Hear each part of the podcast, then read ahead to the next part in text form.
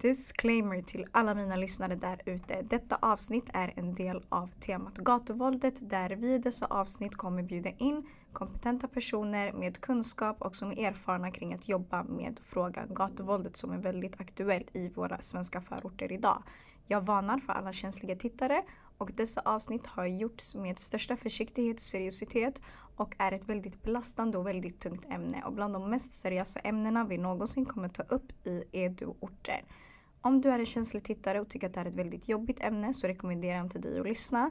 Men jag hoppas att alla som lyssnar på dessa ämnen kan ta med sig någonting, lärdom, kunskap och gynnas utav det som sägs och det som förmedlas i dessa avsnitt. Det är inget enkelt ämne och därav så lägger jag denna disclaimer. Hoppas att ni kan gynnas utav det. Utav det. Har ni någonsin eh, frågor eller är det någonting annat så vet ni att ni kan höra av er på kontakt eduorten.se. På www.eduorten.se så har ni all information om detta tema. Och jag säger bara varsågoda och hoppas att ni finner det bra. Så ja allesammans, eh, bismillah. Eh, välkomna till ett nytt avsnitt av Eduorten med ingen annan än er programledare Jasmin Nasser. En gettoklassiker, förhoppningsvis ert favoritprogram. Ni lyssnar som vanligt på oss på eduorten.se på vår hemsida. Där hittar ni alla våra sociala medieplattformar vart ni kan hitta oss, våra senaste uppdateringar och så kan ni lyssna på det här programmet genom Spotify, Soundcloud och iTunes. Allt är länkat på vår hemsida. Um, och så hittar ni oss på Facebook, Instagram, at eduorten. Där kan ni hitta allt i princip. Hur vi spelar in våra avsnitt, alla våra gäster. Um, så antingen kör ni old school på hemsidan eller så lyssnar ni genom de här plattformarna. Eller på något sätt har ni kommit fram till det här om ni sitter och lyssnar på det idag.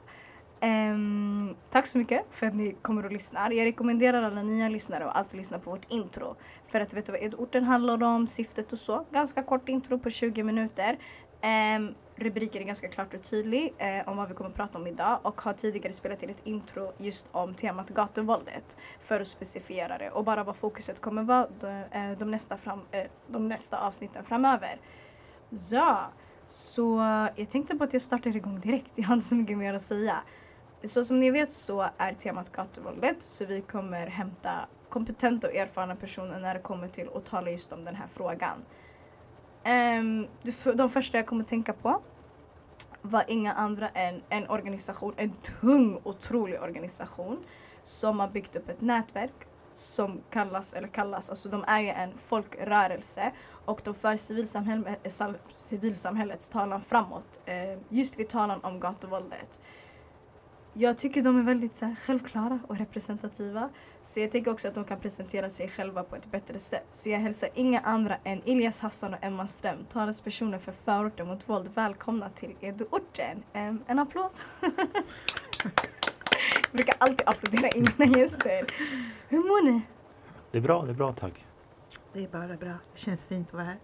Det känns fint att ha er här. Eh, tack så mycket för att ni kom. Jag känner mig ärad över att eh, ni ville komma hit.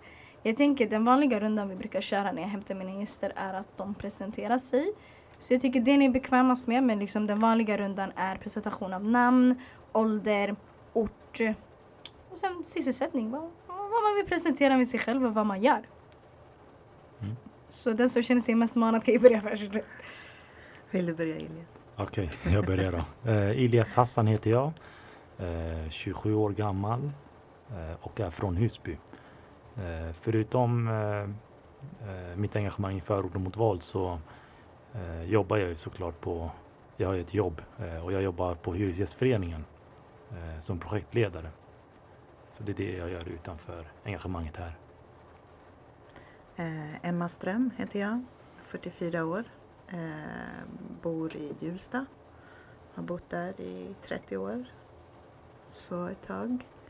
Och ehm, jag jobbar som eh, processpedagog i Folkets Husby. Förutom att jag då är engagerad i förorten mot våld. Nice, nice, nice. Så ni båda jobbar ändå inom civilsamhällsfältet kan man säga? Mm. Så yes. Med människor generellt eh, utanför att eh, jobba med förorten mot våld. Mm. En fråga, hur känner ni varandra? Alltså vi har ju lärt känna varandra genom förorten mot våld. Vad coolt. Så är det. Ja. Fett kul. Och ni är talespersoner båda två tillsammans va? Ja. Yes. Cool. Fett nice. Um, jag kom i kontakt med er genom att jag DMade er och hörde av mig till er. Um, jag är bekant med Elias sen tidigare kan man säga. Och så mejlade jag er bara. Så jag mejlade och skrev till er på Instagram och bara förklarade konceptet kring varför jag ville hämta er och tänkte bara förklara det nu.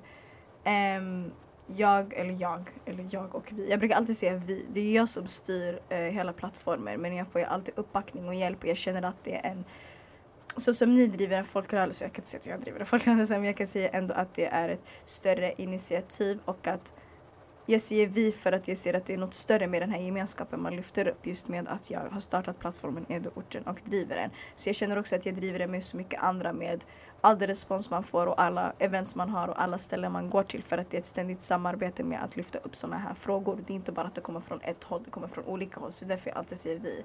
Men eh, jag bestämde för att hämta er dels för att ni jobbar väldigt speciellt med frågan mot gatuvåldet och att ni är otroliga talespersoner när det kommer till det. Och mycket att ni väldigt mycket uppmärksammar frågan. Ni talar om frågan hela tiden. Det finns ett ständigt riktat fokus som ni har och jag tycker det är väldigt viktigt att prata om det och inleda med det när man väl öppnar upp och pratar om ett sånt här tema. Så jag tänkte varför inte? Så jag hörde av mig till er. Ni var väldigt lättillgängliga, väldigt enkla att kontakta jämfört med vissa andra. Um, så det var det. Så jag tackar er än en gång för att ni ville komma hit. Tack själv. Tack själv. Så jag tänker bara väldigt enkelt att man börjar rakt på sak med vilka är förorten mot våld? Vad är förorten mot våld? Berätta.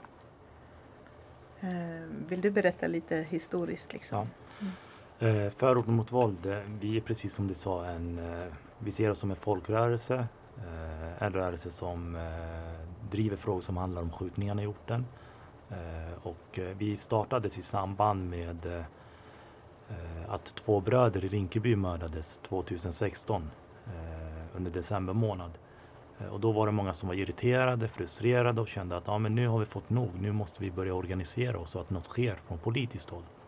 Eh, och det var det som var startskottet för vårt arbete. Så man kan säga lite kort att vi är en rättviserörelse som eh, driver frågor som handlar om skjutningarna och försöker belysa det utifrån ett politiskt perspektiv. Yes, jag tänker så här, var det random som startade upp det initiativet? Var det att ni gick ihop tillsammans? Var det mer från starten? Liksom, hur, hur började det om man säger så? Ja.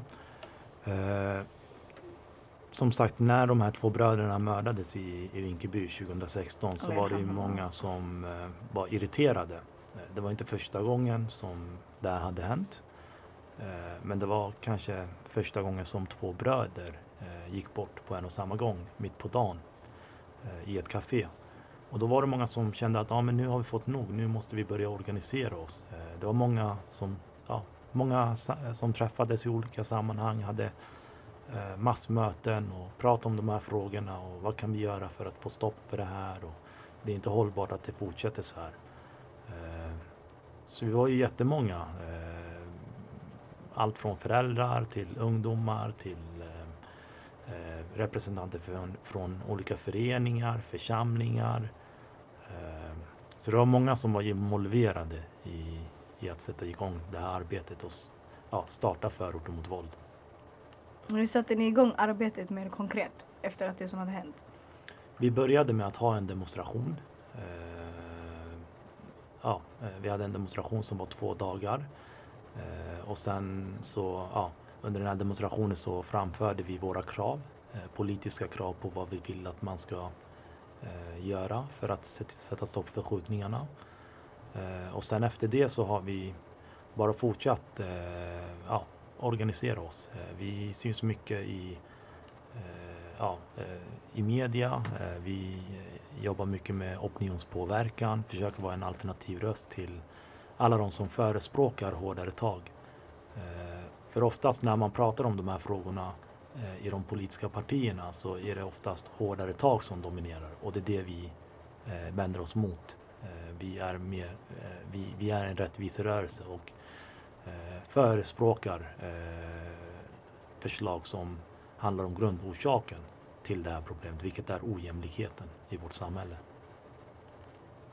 Det som man, om jag bara får inflika, det Absolut. som man pratar liksom ofta mycket om är just det att när man pratar om skjutningarna så vi brukar säga att skjutningarna i sig är liksom ett symptom.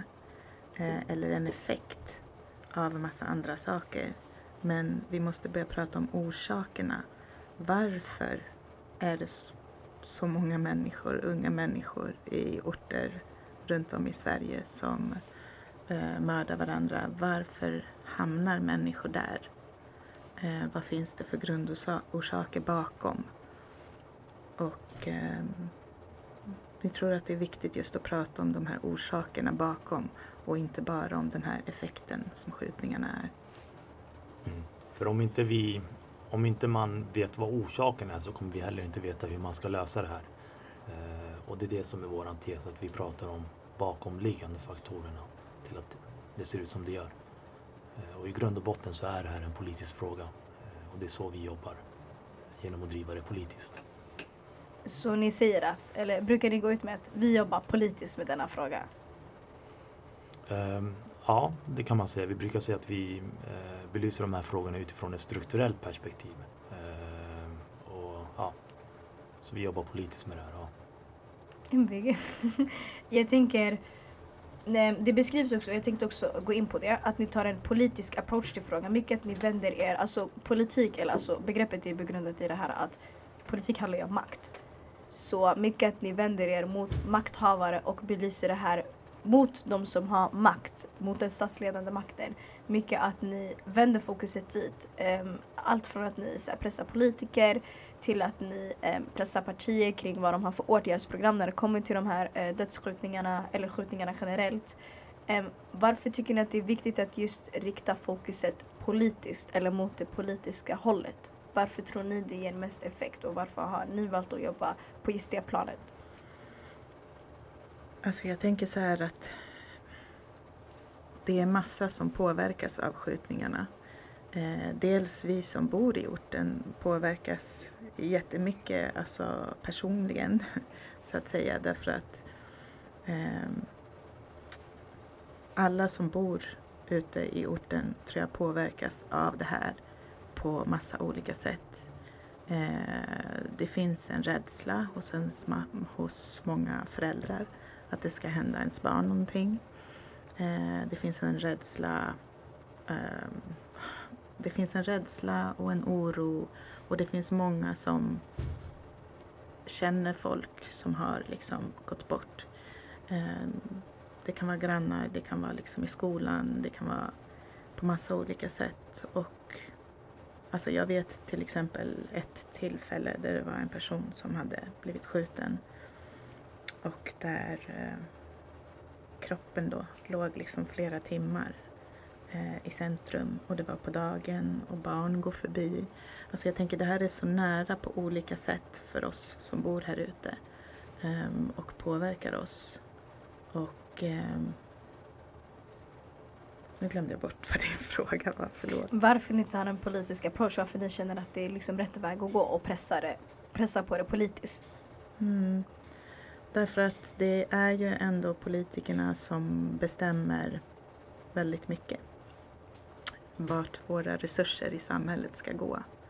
Eh, och där är det ju väldigt viktigt att vi då på något vis försöker belysa att eh, det behövs det är mycket som har skärts ner om man tittar på till exempel mötesplatser för unga vuxna, om man tittar på eh, hur det ser ut med aktiviteter för eh, unga människor som bor här ute.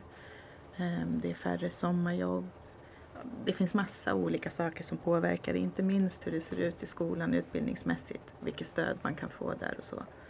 Ehm, och det här påverkar för hur själva effekten blir. Det, vi vet ju att det är många av dem som hamnar i kriminalitet till exempel som eh, inte har klarat sig i skolan. Och vi, precis som Ilja sa, ser det här som ett strukturellt problem och inte liksom på individnivå för att det är väldigt mycket man pratar om individ, individer liksom och försöker lägga skulden på något vis på individer. Och det är klart att alla människor har ett eget ansvar. Men vi lever också i ett samhälle och samhället har också ett ansvar. Mm. Eh, exakt, och sen är det också så att eh, om man lyssnar på eh, olika partier så hör man väldigt ofta så här eh, i debatten att eh, man pratar om att föräldrarna är ansvarslösa, de borde ta större ansvar och Eh, ja, att man skyller mycket på individerna, att det är deras fel, de får skylla sig själva i princip. Eh, och vi menar ju precis som Emma sa på att det här är ett samhällsproblem, det är en samhällsfråga. Precis så som allt annat i, är samhällsfrågor eh, så är det här också en samhällsfråga. Och det är så vi ser det. Sen kan man ju såklart jobba på olika sätt. Man kan ju jag vet att det finns vissa som föreläsare som riktar sig direkt till ungdomarna och, och föreläser till dem, Eh, de som vistas i sådana miljöer. Eh, men vi väljer att föra det här utifrån ett större perspektiv eh, och driva det som en, ja, en politisk fråga. För att det behövs så mycket mer. Det räcker inte med att vi kämpar på på individnivå utan det behövs strukturella åtgärder och, och, och det är väl det vi driver på. Känner ni, eller ni kanske redan har svarat på den frågan, men känner ni att den absoluta makten, eller nästan all makt, eller all makt, allt kommer från politiken och från politikerna? Det kanske var en svår fråga.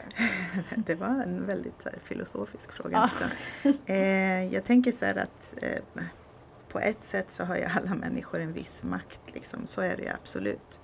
Eh, men samtidigt är det ju så att en stor möjlighet att liksom påverka ligger ju ändå hos politiker för att de kan fatta beslut om lagar men också eh, det är de som har vår liksom gemensamma plånbok. Ska vi lägga massa pengar på till exempel eh, övervakningskameror och så som kostar extremt mycket ehm, som är ett förslag som kommer och vi har ju fått mer och mer övervakningskameror till exempel. Eller ska vi lägga pengarna till exempel på fler sommarjobb eller extra stöd i skolan? Det är där politikerna kan välja vart de ska lägga pengarna. Och, så att de har ju de har ju en hel del makt, så är det ju. Vad känner du Elias? Eh, nej, precis som Emma sa. Eh, att eh, det är klart att vi alla har makt men eh, eh, ja, eh, större samhällsfrågor är ju inget som vi individer enbart kan eh, påverka kring.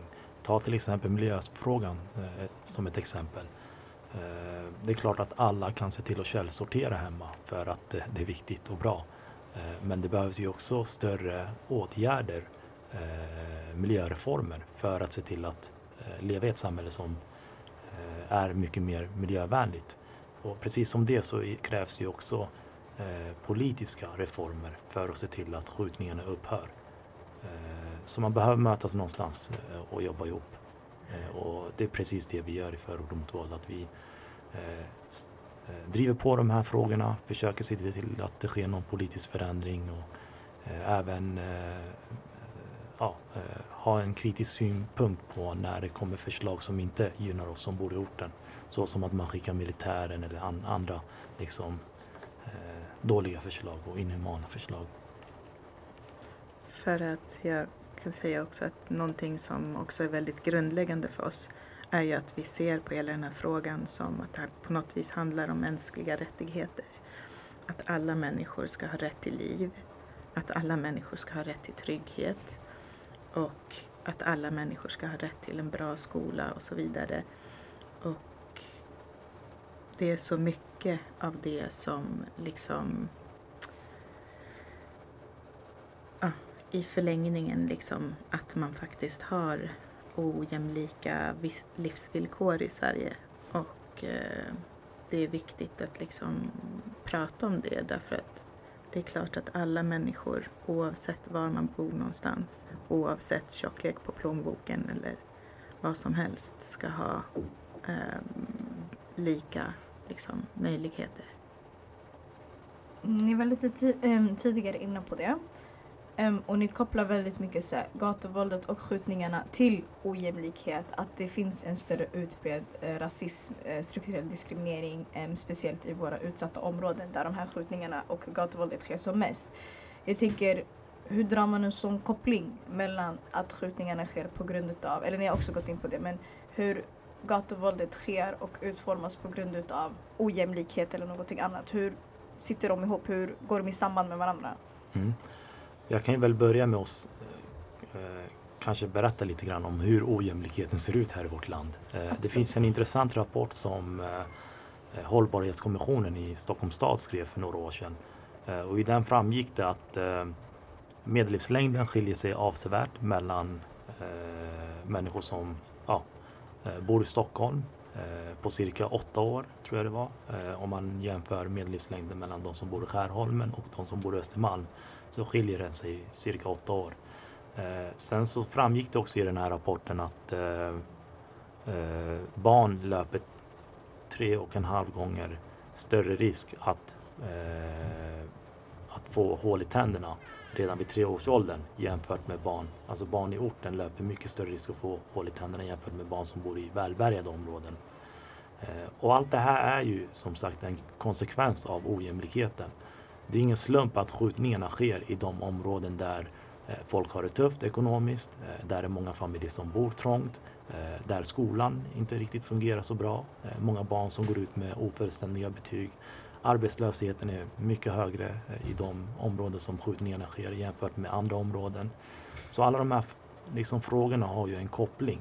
Och om du också kollar globalt sett så ser vi ju att länder som tenderar att liksom ha höga klyftor, eh, där ojämlikheten syns allt mer, de har också problem med den här typen av brottslighet.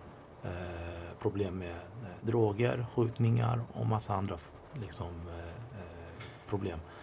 Eh, och det finns inget land i världen som har lyckats lösa den här frågan genom att liksom ha hårdare tag. Kollar du till exempel USA, ett av eh, världens eh, hårdaste, ett av världens liksom ett av de länder i världen som har hårdast lagstiftning när det kommer till droger, när det kommer till folk som begår mord och sådana saker. Och i det landet så har ju inte den lagstiftningen, hårdare tag-retoriken, har inte löst de här problemen. Utan det har lett till att fler människor har hamnat i fängelse. Eh, och det är också det som vi hela tiden försöker poängtera att den forskningen som finns, mycket av forskningen säger att för att lösa de här frågorna så måste man ta bukt med ojämlikheten. Sverige är ett av de länderna som eh, har liksom ökat, har blivit mycket mer ojämlikt. Eh, på bara några decennier så har Sverige blivit från ett av världens mest jämlika länder till ett land som ojämlikheten syns allt tydligare. Och det är ett stort problem. Ja, jag tänker en fråga till, det var en intressefråga. Eh, varför tror ojämlikheten blivit så stor? Det är inte inom ert område riktigt men... Mm. Nej men det handlar ju dels om att eh, människor det, man kan säga att de rika har blivit rikare och de fattigare fattigare kan man säga. Och det handlar ju om till exempel att man kan tjäna väldigt mycket pengar inom kanske vissa branscher dit kanske alla inte riktigt får tillträde.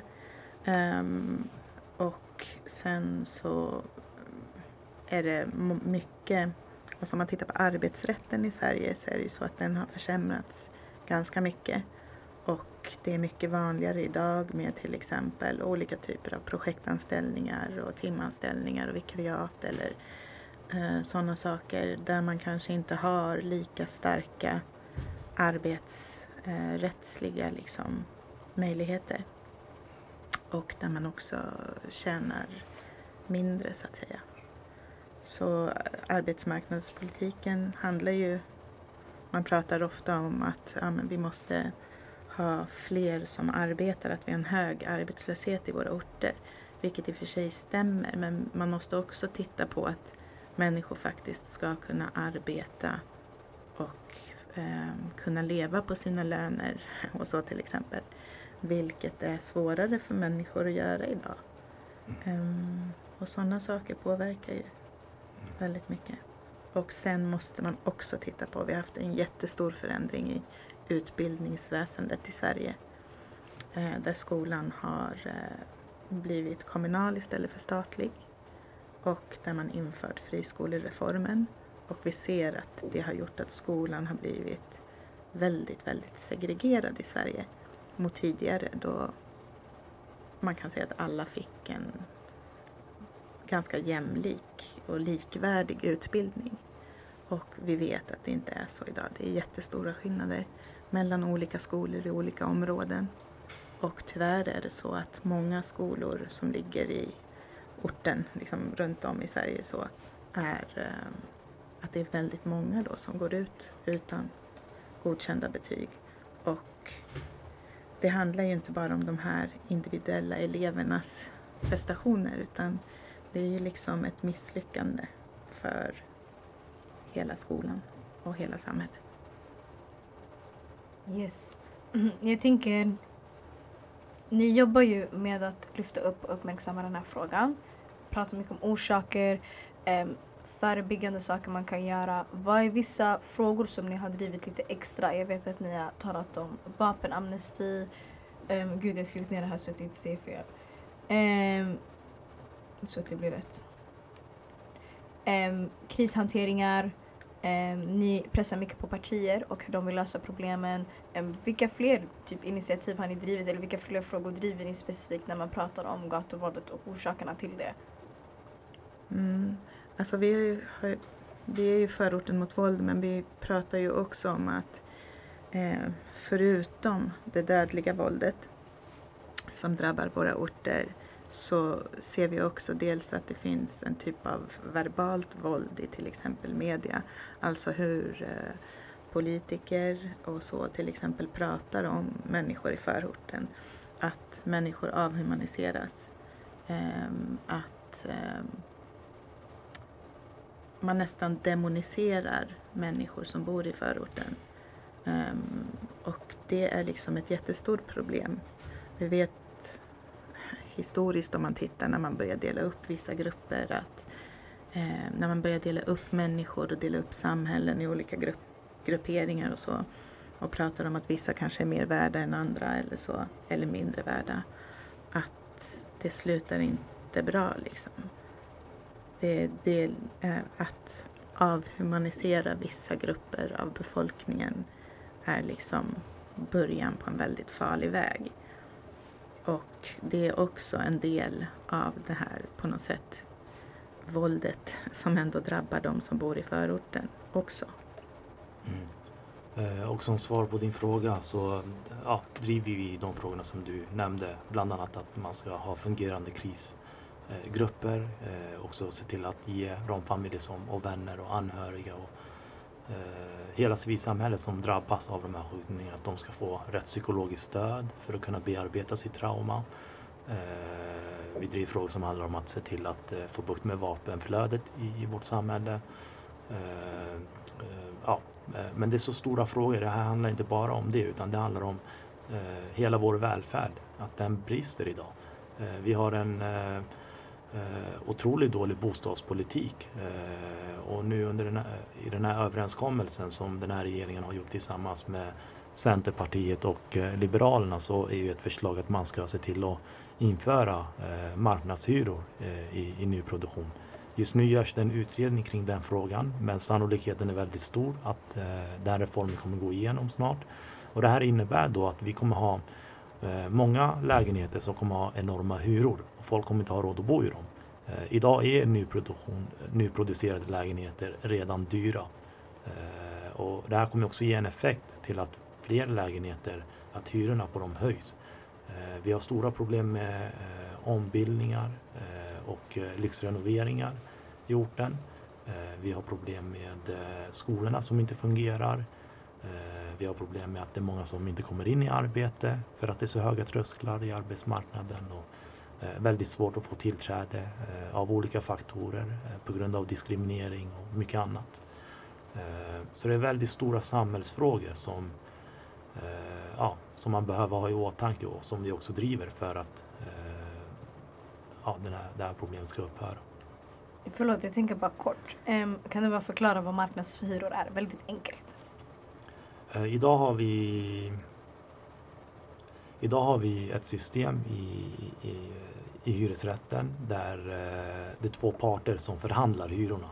Eh, Hyresgästföreningen eh, förhandlar hyran med eh, fastighetsvärden. Men om man inför marknadshyror så kommer det innebära att vi inte kommer ha det här systemet längre. Det kommer bara vara fastighetsvärden som kommer kunna liksom sätta en viss hyra på lägenheten. Eh, och det har vi haft en gång i tiden i Sverige för flera, flera decennier sedan. Eh, och det var också det som gjorde att eh, eh det var många som började organisera sig eh, och såg till att eh, bostadspolitiken förändrades helt. Men nu är vi på väg tillbaka dit vi en gång var. Och det är ett stort problem. Så med andra ord, marknadshyror är inte bra utan det kommer göra att fler människor kommer bo i, ja, fler människor kommer inte ha någonstans att bo. För att man kan ju sätta vilka hyror man vill. Ja. Och det är rakt av, av typ så här, intresset. Ja. Och då kan det bli hur dyrt som helst och då finns det inga gränser. Ja, och det kommer också leda till en effekt där vi kommer ha eh, fler eh, människor som bor trångt. För att om inte folk har råd att eh, hyra en lägenhet så kommer man ju se till att dela det med många andra. Eh, och då blir det väldigt trångt i lägenheten. Vilket det typ redan är. Ja. Jo, det ser vi ju redan idag. Bland annat är det ju många i våra områden som inte kanske till exempel flyttar hemifrån för att man inte har råd att köpa någonting och det finns inga billiga hyresrätter eller det finns för få hyresrätter. Yes. Eh, men jag tänker, känner ni ändå att ni lyckas med ert arbete? Um, att det uppmärksammas på rätt sätt, att politiker lyssnar, att det uppmärksammas um, från en politisk sida? Eh, jag tänker absolut att vi, jag tror vi skulle inte hålla på om vi inte trodde att vi gjorde en skillnad. Eh, men sen är det klart att jag tänker man är alltid liksom självkritisk och tänker man kunde göra mer, man kunde göra si, man kunde göra så men eh, vi försöker göra någonting i alla fall. Jag kommer ihåg när vi Eh, grundades för snart tre år sedan så var det väldigt många som var kritiska till oss från partiernas håll.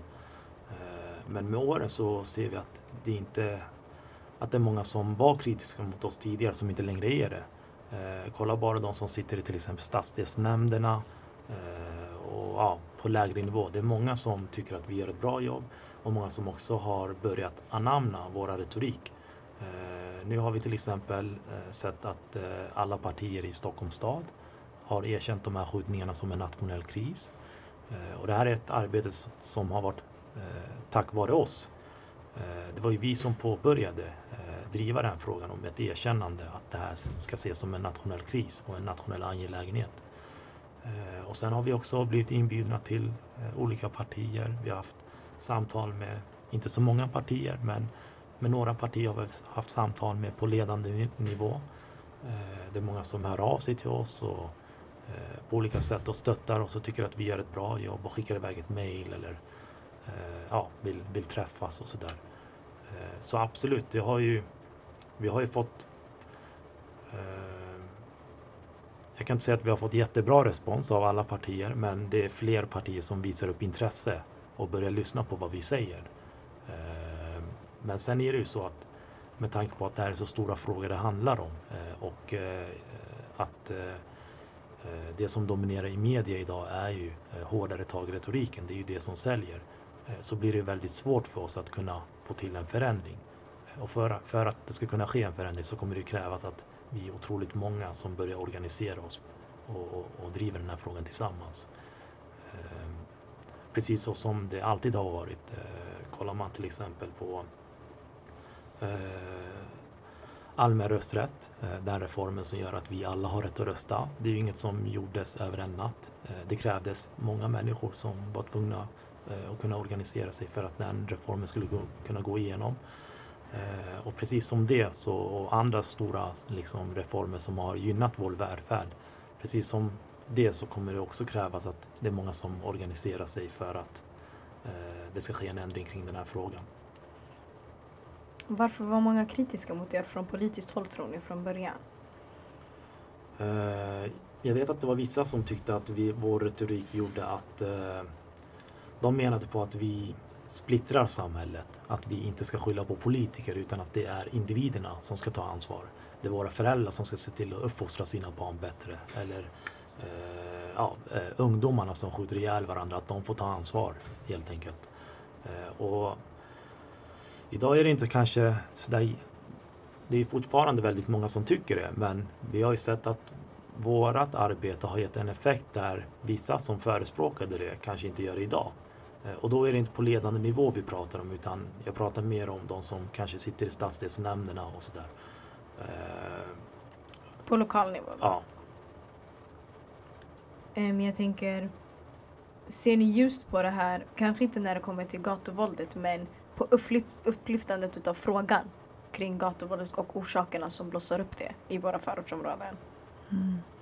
Jag tycker att hela frågan om eh, våldet i våra orter och eh, liksom även bakgrunden till det och så har kommit upp mycket mer i den politiska debatten nu sista året än hur det har varit innan.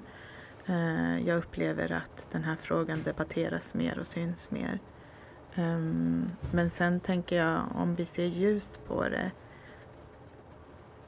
det är klart att man måste ha hopp och hopp har vi absolut. Det ska bli bättre. Det är det vi kämpar för.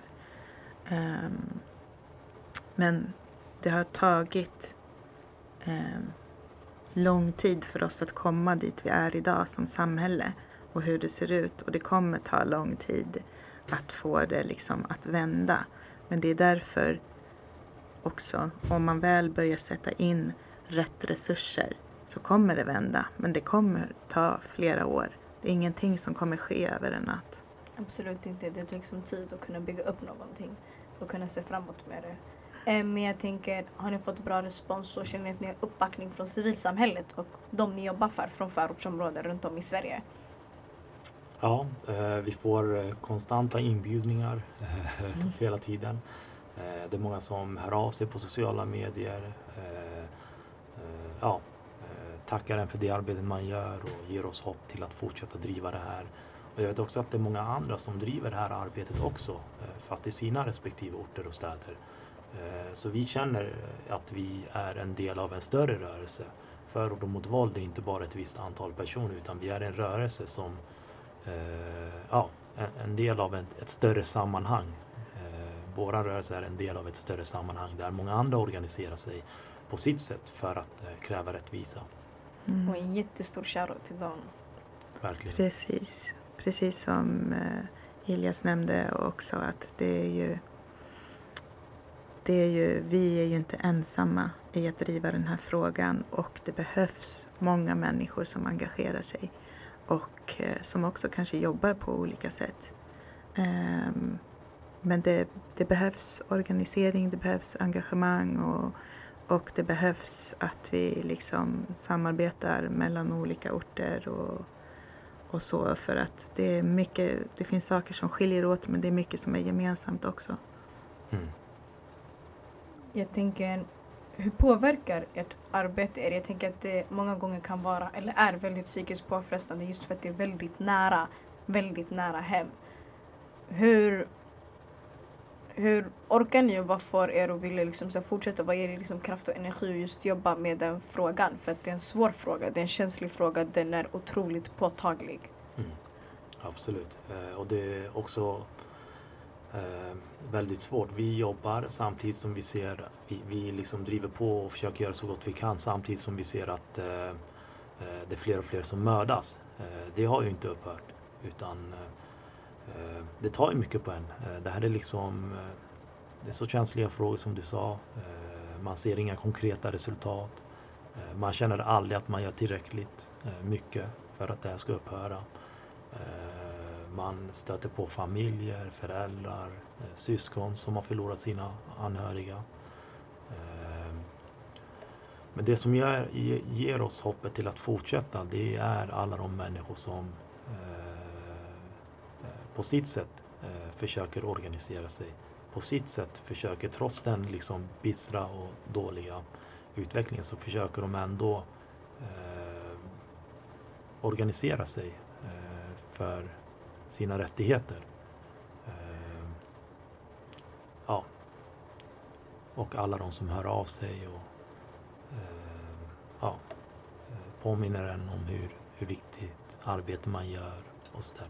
Sen måste jag vara ärlig också och säga att det är inte så att vi har på något vis något val. Även om jag skulle vilja sluta engagera mig så, så kommer ju de här problemen påverka mig indirekt eller direkt. Vilket gör att jag är tvungen att engagera mig jag har inte den, liksom, vi har inte det valet att vi kan bara lägga det här engagemanget åt sidan eh, och tänka att någon annan får göra det. För vi bor där det här sker. Vi är en del av alla de som eh, drabbas av det här. Eh, så vi är ju tvungna att, att organisera oss och göra så gott vi kan. Mm. Ja, jag känner också som Ilja säger, det här är ju liksom, det är ju personligt. Vi bor här, vi ser människor uh, gå bort som är våra grannar, våra barns vänner, våra liksom människor som man kanske har känt eller vet vilka de är eller på olika sätt liksom sen de var små barn liksom. Uh, vi vill ju se att alla kan leva bra liv liksom, och leva i fred. Och det är ju liksom, vi kämpar ju för det på något sätt. Att det ska bli bättre. Um, jag tänkte, jag lyssnar, jag, är jätte, jag, är sån här, jag lyssnar jättemycket och försöker ta in det så tar det lite tid för mig att komma ut med det igen. Men jag hör er, jag gör verkligen det. Jag tycker att ert arbete är fantastiskt. Jag vet att väldigt många tycker samma sak.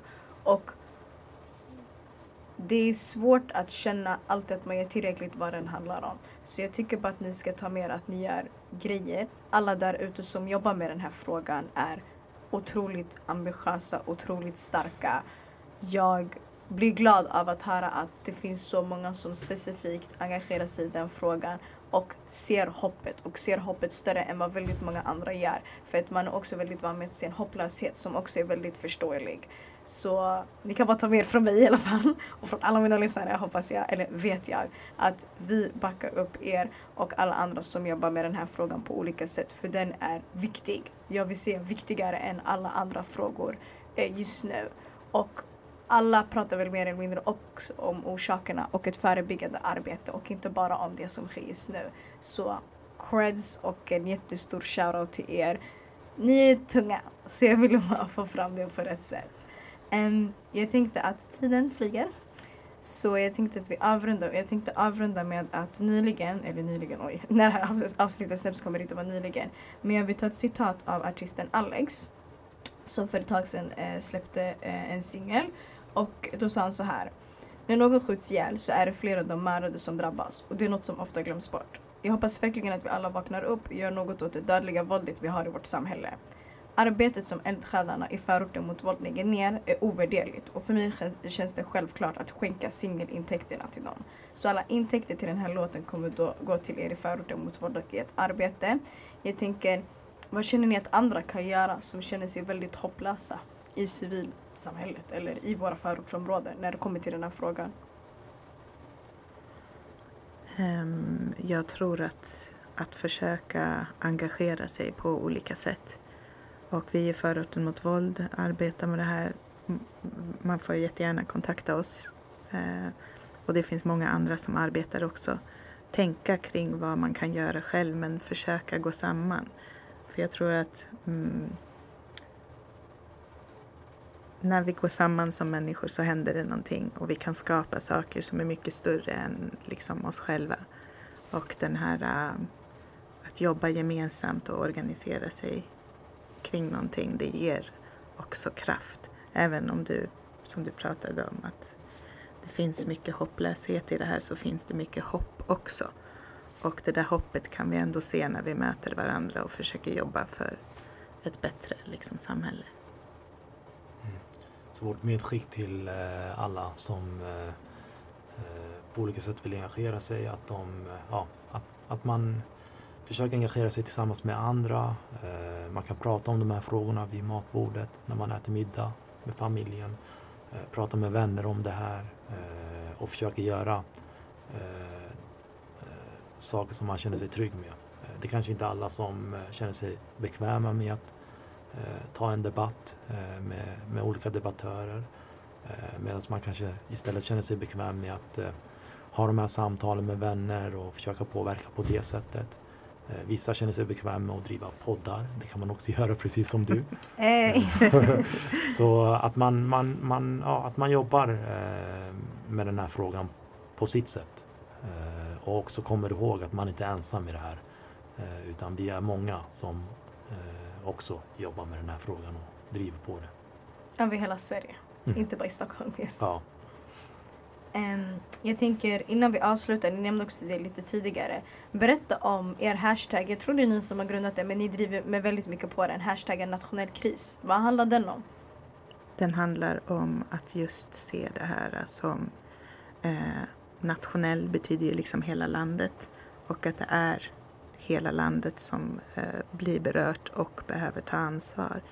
Ehm, ofta så pratar man, eller har gjort tidigare i alla fall, om eh, skjutningarna i förorterna som ett förortsproblem på något sätt. Att det är förorten som blir drabbad och då är det också de förorten som ska på något vis lösa det.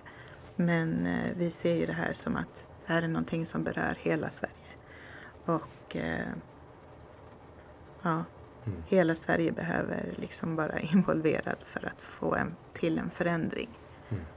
Ni har ju till och med, jag nämnde inte det tidigare, eh, men ni har ju till och med när ni gick ut, eh, eller jag vet att också när ni startade eh, Förorten mot våld och när ni kom ut med att det här är en nationell kris så krävde ni även att Sverige skulle tillsätta en haverikommission om inte jag minns fel. Berätta lite vad det handlar om. Eller vad en haverikommission är. En haverikommission det är att man ska eh, tillsätta eh, en kommission som enbart jobbar med den här frågan. Eh, och I den kommissionen så kommer det ingå experter, kriminologer och andra experter på olika sätt men också eh, representanter från civilsamhället som ska göra en större omfattande utredning om varför sker skjutningar. Även om vi vet svaret så är det bra att från regeringens håll eh, att man tillsätter en sån specifik kommission som jobbar med det här enbart. Eh, och när den här kommissionen har gjort sin utredning så kommer det också vara mycket enklare att eh, veta hur man ska lösa de här problemen. Eh, precis så som allt annat. Vi, vi lever i ett land som gör massor med utredningar. Eh, varje gång regeringen inför olika reformer så gör man ju utredningar. Men man har inte en kommission som enbart jobbar med en av våra viktigaste samhällsfrågor.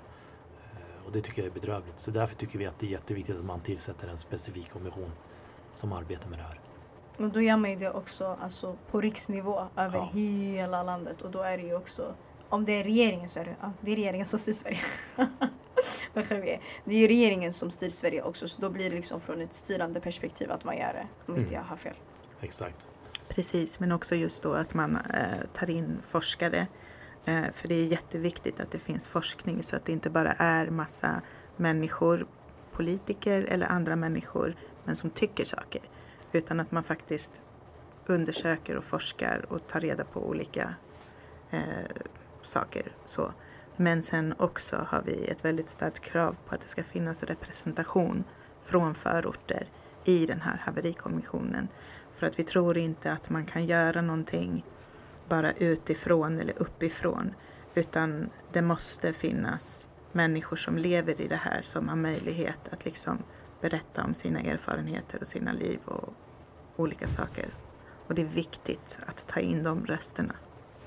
Jag tror inte heller det finns en brist på sådana personer från civilsamhället eller våra förortsområden eller forskare eller experter för den delen. Det finns väldigt mycket kompetens. Det är bara att man får göra det och göra det rätt. Mm.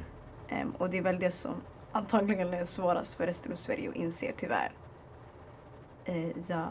Men jag har inget mer att säga mer än avslutande att jag tackar jättemycket för att ni kom hit. Tack själv. Tack så mycket. Ehm, ja, jag uppskattar ert arbete och jag tycker att det är väldigt, väldigt stort. Och jag tycker alla som jobbar konkret med den här frågan är väldigt starka individer, väldigt starka grupper och starka föreningar.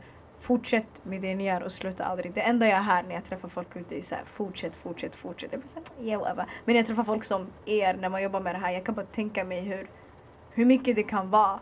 Um, och alla gör väl det på olika sätt. Men fortsätt med det ni gör. För alla där ute som engagerar sig på något sätt när det kommer till sådana här frågor. Snälla fortsätt. Det är okej att ta pauser. Det är okej att känna att saker inte är lika kul längre eller att saker är hopplöst eller whatever. Men stanna aldrig.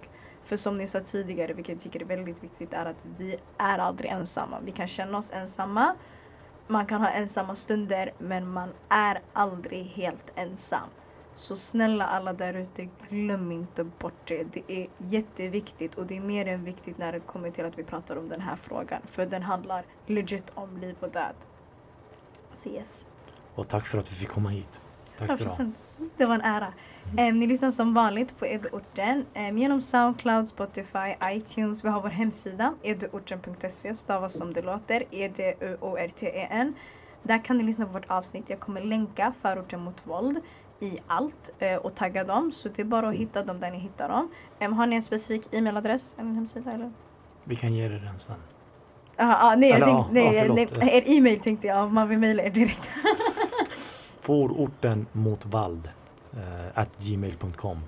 Eh, sen kan man också följa oss på sociala medier och skicka ett meddelande där. Yes, de svarar ganska snabbt så det är bara att skriva till dem så kommer de svara. Det är no problems. Tack så mycket för att ni tog över er tid och kom. Tack så mycket för alla ni som lyssnar att ni lyssnar. Um, back dem och lyssna på dem. De är G. Ta hand om er så hörs vi. Peace.